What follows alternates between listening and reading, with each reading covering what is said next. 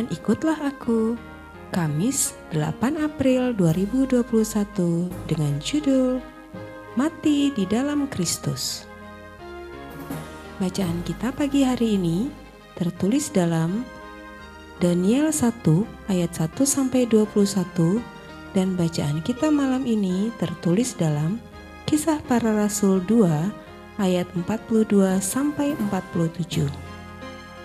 Dan kebenaran firman yang menjadi ayat renungan kita hari ini ialah 1 Tesalonika 4 ayat 16 yang berbunyi Sebab pada waktu tanda diberi yaitu pada waktu penghulu malaikat berseru dan sangkakala Allah berbunyi maka Tuhan sendiri akan turun dari sorga dan mereka yang mati dalam Kristus akan lebih dahulu bangkit. Demikian firman Tuhan.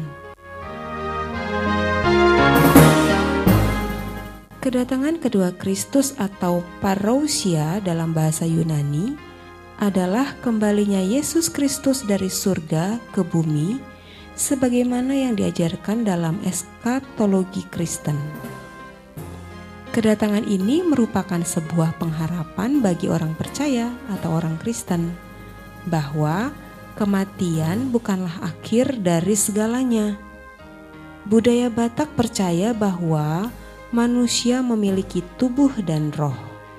Apabila tondi atau roh tersebut meninggalkan daging atau tubuh dari manusia, maka manusia tersebut akan mati. Orang Batak juga memiliki pemahaman martondi namangulu marbegu namate yang masih hidup memiliki roh dan yang telah mati menjadi hantu. Mereka yakin bahwa jika seseorang telah meninggal, maka daging gabetano hosa gabe alogo, tondi gabe begu. Daging menjadi tanah, nafas menjadi angin, roh menjadi hantu. Mereka tidak mengenal proses kebangkitan Masuknya kekristenan di tanah Batak merubah cara pandang kita orang Batak Kristen dalam menyikapi kematian. Kita yang percaya bahwa Yesus telah mati dan telah bangkit bila meninggal di dalam Yesus dan hidup di tengah kehendak Allah akan dibangkitkan.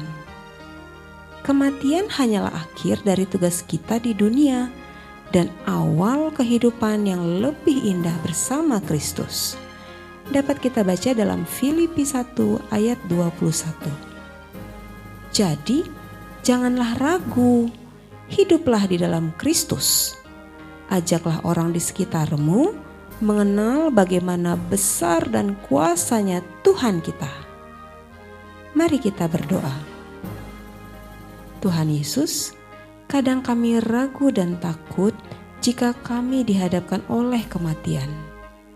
Namun, hari ini kami mengerti bahwa mati di dalam Tuhan adalah sebuah kebahagiaan.